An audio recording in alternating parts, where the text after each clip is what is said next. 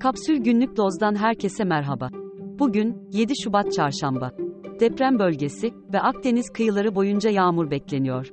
Doğu bölgeleri hariç tüm yurtta hava sıcaklıkları artıyor.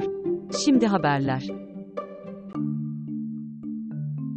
6 Şubat 2023 Pazartesi günü, saat 4.17'de 7.7 büyüklüğünde ve saat 13.24'te 7.6 büyüklüğünde yaşanan, Kahramanmaraş merkezli iki depremin üzerinden bir yıl geçti.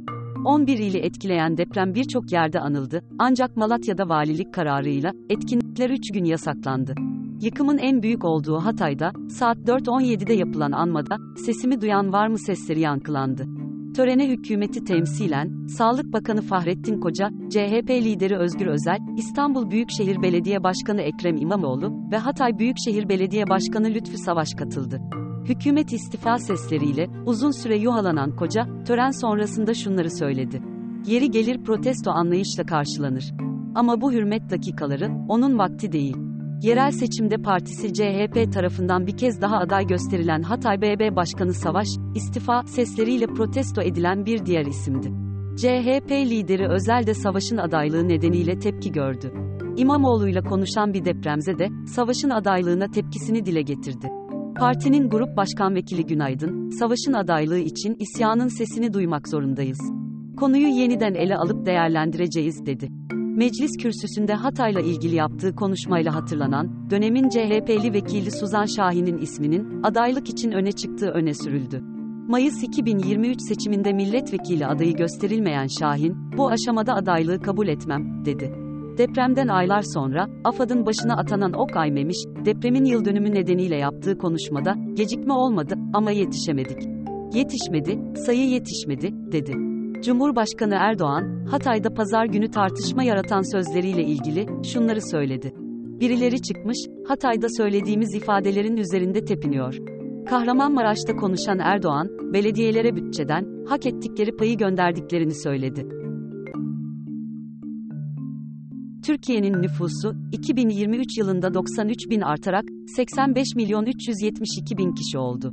2022'deki artış ise yaklaşık 600 bin kişiydi. Türkiye'de ikamet eden yabancı nüfus, bir önceki yıla göre 253 bin kişi azalarak 1 milyon 570 bin kişi oldu. Türkiye genelinde, kilometre kareye 111 kişi düşerken, İstanbul'da bu sayı 3 bin.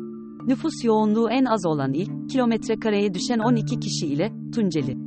Bayburt ise, 86 bin kişi ile, en az nüfusa sahip olan il. Ekonomist Uğur Gürses'e göre, 2023 ekonominin, demografi değişimine damga vurduğu bir yıl oldu. Zira İstanbul'un nüfusu tersine göç vererek, yaklaşık 115 bin kişi azaldı.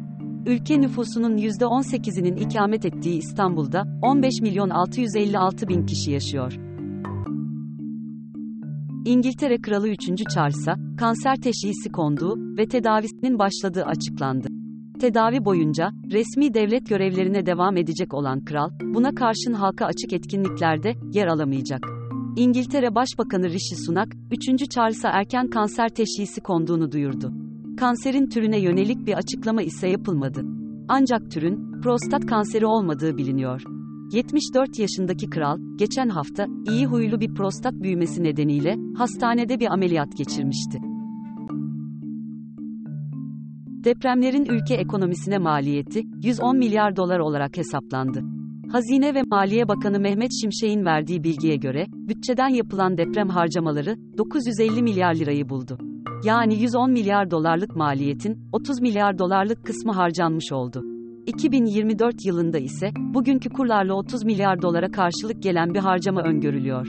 Cumhurbaşkanlığı raporuna göre ise, bina ve araç hasarları, yok olan ev eşyaları, üretim ve sigorta kayıplarına kadar, pek çok alandaki maddi zarar, 2 trilyon lira seviyesinde. Bu, gayri safi yurtiçi hasılanın %9'una denk. Ekonomide oluşan zararın telafisi için, 2026 yılına kadar, 40 milyar dolarlık finansman yaratılması gerekiyor. İş dünyası temsilcilerine göre, çalışanların bölgeden göç etmesinin sonucu olarak yaşanan iş gücü krizi ile, esnaf ve kobilere yönelik destek, teşvik ve finansmana erişim kanallarının yetersiz kalması gibi problemler nedeniyle, normalleşme 2026'yı bulacak. Daha fazlası için kapsül.com.tr adresini ziyaret edebilirsiniz.